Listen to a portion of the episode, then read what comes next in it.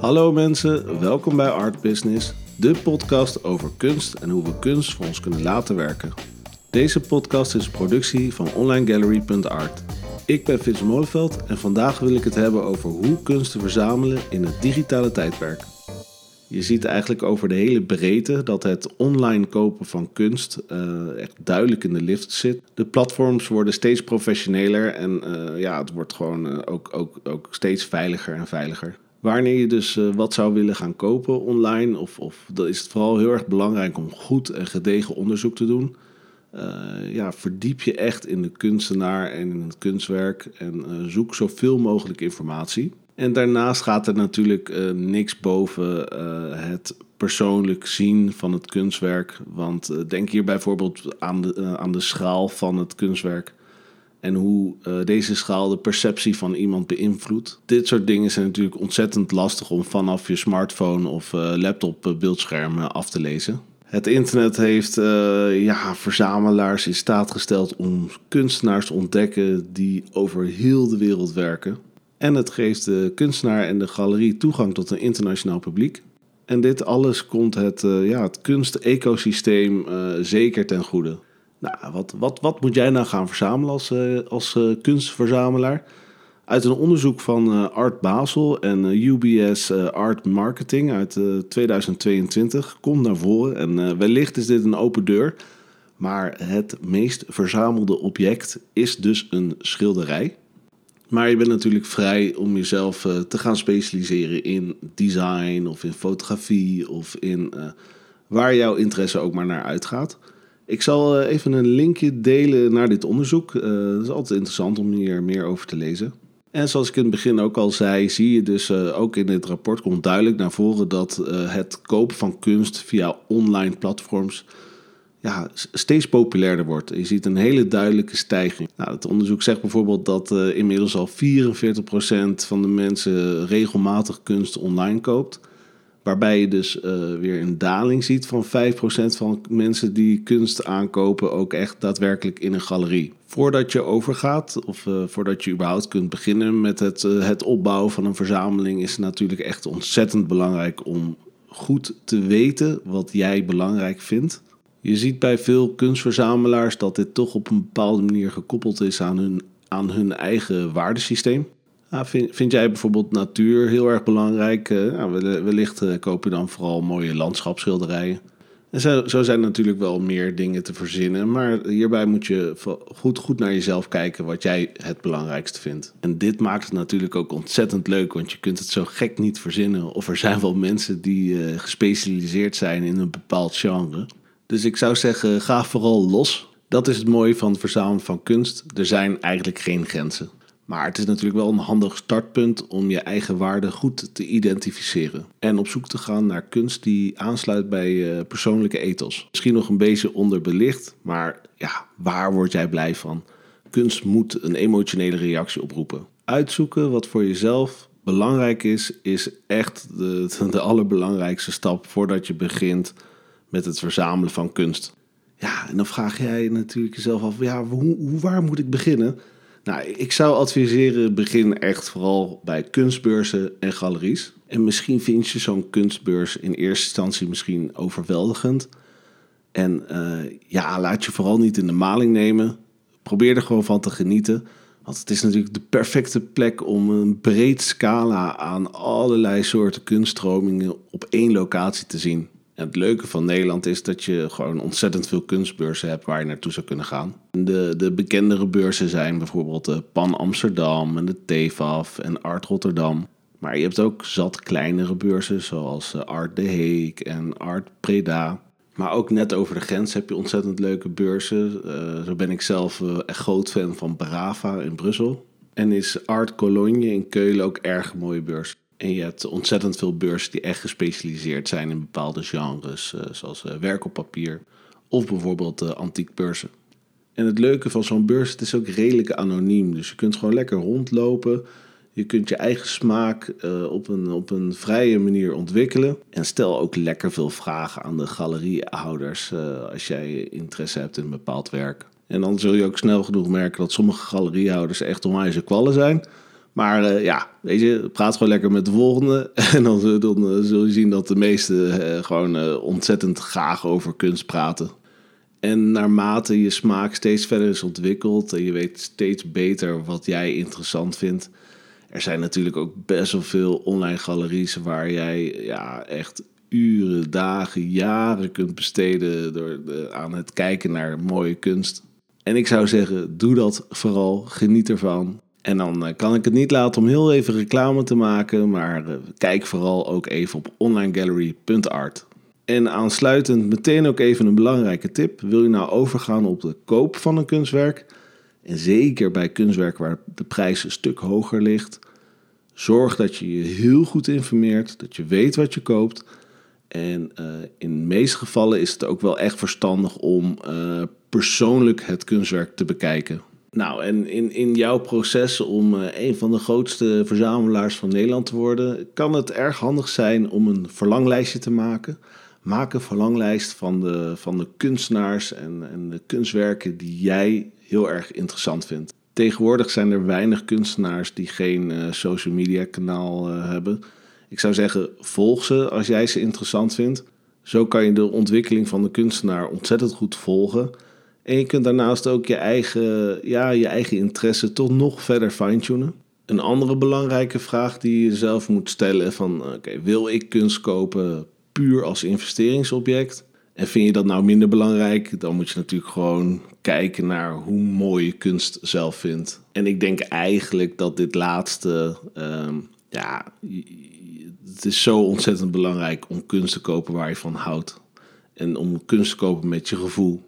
Het is wel heel erg belangrijk nou, als jij het investeringspotentieel van een kunstwerk, uh, als jij dat heel belangrijk vindt, dan moet je wel heel goed ook kijken naar ja, naar, naar, naar de carrière van de kunstenaar. En daar zit natuurlijk ook wel echt dat het ontzettend moeilijk is om kunst te, om, om, om, om zeg maar uh, het potentieel van een kunstenaar te kwantificeren. En hierbij is het uh, cv van een kunstenaar uh, eigenlijk de meest beknopte lens om het, het investeringspotentieel van een kunstenaar te beoordelen. In zo'n cv zijn gewoon een aantal basiscriteria waar je goed naar moet kijken. Hieruit kan je goed de marktgeschiedenis van de kunstenaar uh, uh, uitdestilleren. En je kunt ook beter, als je dat weet, een inschatting maken wat, het, uh, ja, wat, wat de toekomst wellicht nog in petto heeft voor deze kunstenaar. Een belangrijk criteria die wellicht niet in de cv staat, maar bijvoorbeeld zou je kunnen kijken naar door hoeveel, hoeveel volgers heeft deze kunstenaar. Hoeveel mensen zijn geïnteresseerd in zijn werk en ja, hoe ligt zijn werk eigenlijk dus in de markt? Je kunt ook al vrij snel zien of een kunstenaar wordt vertegenwoordigd door een galerie. En daarbij is natuurlijk ook ontzettend belangrijk van hoe gerespecteerd is deze galerie. Kijk ook of de kunstenaar prijs heeft gewonnen of uh, wellicht uh, onderdeel is geweest van een kunstenaarsresidentie. Kijk ook naar uh, de tentoonstellingen waar de kunstenaar al aan deel heeft genomen. Er kunnen solo tentoonstellingen zijn of groepstentoonstellingen. En natuurlijk, hoe mooier de locatie, hoe beter de kunstenaar of eh, het potentieel van de kunstenaar is. Een hele belangrijke indicatiefactor is hierbij of, of, of er wellicht al een, een, een werk is aangekocht door een museum en of er al uh, kunstverzamelaars zijn die zich hebben geïnteresseerd in deze kunstenaar. Het is ook goed als je bijvoorbeeld ziet dat, uh, dat er al werk van deze kunstenaar is verkocht via bijvoorbeeld het Veilinghuis probeer dan ook indien mogelijk uh, erachter te komen voor welke prijs het werk is verkocht. Dit zijn, dit zijn even in het kort gewoon een aantal basiscriteria die, die belangrijk zijn. Als jij uh, ja, wellicht interesse hebt in een kunstenaar, dan kun je er hier even goed naar kijken en op die manier beter een inschatting maken wat voor vlees je in de kuip hebt. Een ander belangrijk punt is het, uh, het vaststellen van je budget. En eigenlijk kan je daar dan gelijk 10% van aftrekken bij het kopen van kunst zijn er natuurlijk zijn er gewoon best wel wat verborgen kosten. En hierbij moet je denken aan verzending en verzekering en wellicht ook installatiekosten. En als je een beetje handig bent, dan is het, uh, het installeren van een, uh, van een kunstobject vaak redelijk goed te doen. Maar verzenden kan, kan best wel prijzig zijn. Als jij dus gewoon goed uitzoekt wat je budget is, daarmee voorkom je ook teleurstellingen. En hiermee bespaar je uiteindelijk ook een hoop tijd, geld en energie. Naast budget moet je natuurlijk ook al nadenken over een bepaalde installatielocatie. En dit heeft ook weer invloed op bijvoorbeeld uh, de ideale afmeting die een kunstwerk zou moeten hebben. Daarnaast kan je natuurlijk ook een foto maken van de muur. En wellicht kan je met tape ook al uh, de, het schilderij afzetten wat je in gedachten hebt. En stuur deze foto vooral op naar de kunstenaar en de galerie met de vraag van... joh, zou je wellicht even het kunstwerk kunnen photoshoppen... precies op de plek wat ik heb afgetaped... zodat je een beter beeld hebt van het kunstwerk en hoe het eruit komt te zien op jouw muur. En vooral dat aftapen, dat kan handig zijn, zeker als je dat uh, in de juiste afmeting doet dat maakt het ook voor de, voor de kunstenaar of de galerie uh, gemakkelijker om het kunstwerk in de juiste schaal te positioneren in de afbeelding. En wees ook vooral niet bang om dit te vragen. Um, ja, de meesten zijn tegenwoordig wel zo handig dat ze dit gewoon kunnen doen. En uh, het lijkt me ook dat ze gewoon graag jou het kunstwerk willen verkopen. Dus uh, dan kunnen ze best wel deze moeite er, er, erin steken. Kijk, de, de ideale plek die jij uh, dan uiteindelijk uitkiest voor jouw kunstwerk. het is wel verstandig dat daar niet direct de zon op schijnt. En ook een plek waar geen vocht kan komen. En waar ik zelf wel een beetje trots op ben en ook echt heel leuk vind is bijvoorbeeld bij Online Gallery uh, bieden wij nu de mogelijkheid bij een kunstwerk. Dan, uh, dan, dan zie je bijvoorbeeld een QR-code en die kan je dan scannen met je mobiel. En dan kan je eigenlijk het kunstwerk bij jezelf op je eigen muur bekijken met behulp van je mobiel of je, of je iPad.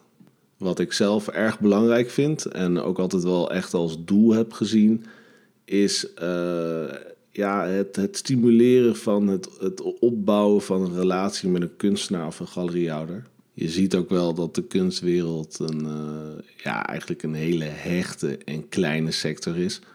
En waarbij het echt ook wel echt wordt gewaardeerd als jij komt opdagen bij bijvoorbeeld een galerieopening of een open dag van een atelier. Je kunt je bijvoorbeeld ook aanmelden voor nieuwsbrieven van galeries en van, van, van, van kunstenaars. En op die manier blijf je goed op de hoogte. En als er dan wat is, bijvoorbeeld een opening of wat dan ook, en zeker als je interesse hebt, ga erheen. Het kan ook zeker lonend zijn als je een, hechte, goede relatie opbouwt met de kunstenaar of de galeriehouder. Want als er dan wat is, dan krijg je dat dan ook uh, waarschijnlijk snel te horen. Het is ook belangrijk om je te realiseren wanneer een kunstenaar exclusief wordt vertegenwoordigd door een galerie, dat je hier niet tussen beiden komt, want dat kan uiteindelijk ook weer de carrière van de kunstenaar schaden. Zet zo'n soort kunstenaar dan ook niet onder druk om toch wel aan jou via de, direct uh, in de studio wat te verkopen. Dit soort gedrag wordt uiteindelijk ook echt niet gewaardeerd uh, onder de galeriehouders. En uh, dit nieuws, dat, soort, ja, dat zou ook best wel snel rond kunnen gaan. En dan, ja, dan snij je eigenlijk gewoon jezelf in de vingers. En, je, en je bent, het is ook schadelijk voor de, voor de kunstenaar. Dus ik zou zeggen, wees hierbij gewoon respectvol voor het, het ecosysteem.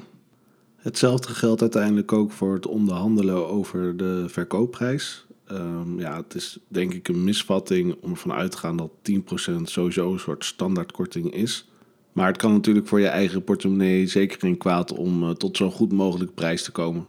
Helaas is de kunstwereld niet ongevoelig voor online oplichting. En ik zou daarom ook aanbevelen om altijd extra goed naar het e-mailadres te kijken. Staan er bijvoorbeeld uh, gekke tekens in of uh, verkeerde spelling? En uiteraard zijn bankgegevens ook erg belangrijk. Deel niet zomaar je bankgegevens met mensen. Echt alles dubbel checken.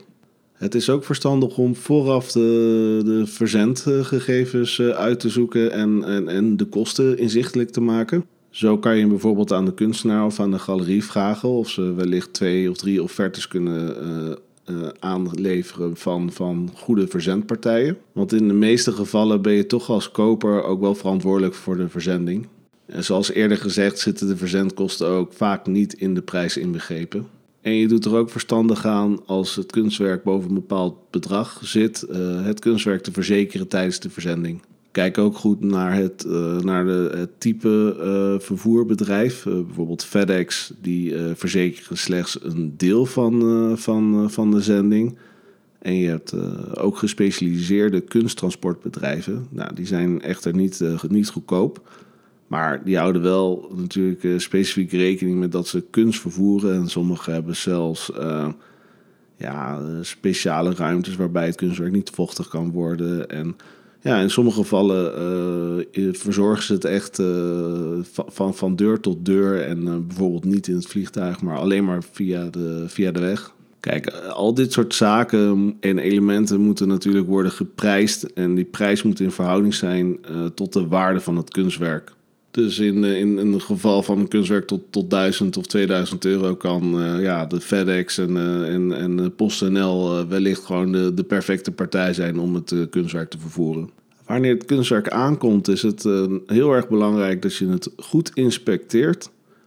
En uh, ook weer aan van hoe, hoe, kostbaar het kunstwerk is, zou je kunnen overwegen om bijvoorbeeld een professionele kunstinstallateur uh, langs te laten komen. Wanneer het kunstwerk aankomt, nou pak het meteen uit en inspecteer het dus op schade of wat dan ook, of het gewoon er goed uitziet.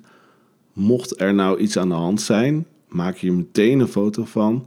Voeg er iets aan toe voor de schraal, bijvoorbeeld uh, een, een potlood of je vinger en stuur, het terug, eh, stuur de foto naar de verkoper. Bij een kunstwerk zit vaak ook belangrijke documentatie met betrekking tot de herkomst. En het is belangrijk dat je dat soort ondersteunende documenten, zoals uh, de echtheidscertificaat en, en, de verkoopfactuur en de invoerfactuur en nou goed, alle andere documenten die, die aantonen dat u het schilderij legaal hebt verkocht, gekocht en vervoerd, berg die goed op. Het creëren van een digitaal archief van, uh, van je collectie is namelijk een, eh, een cruciale stap voor uh, het beschermen van, van je investering. Ik wil jullie dan vooral heel veel succes en plezier wensen bij het aankopen van jullie collectie. Leuke tips en suggesties zijn zeker welkom. Het is daarnaast ook mogelijk om deze podcast te sponsoren.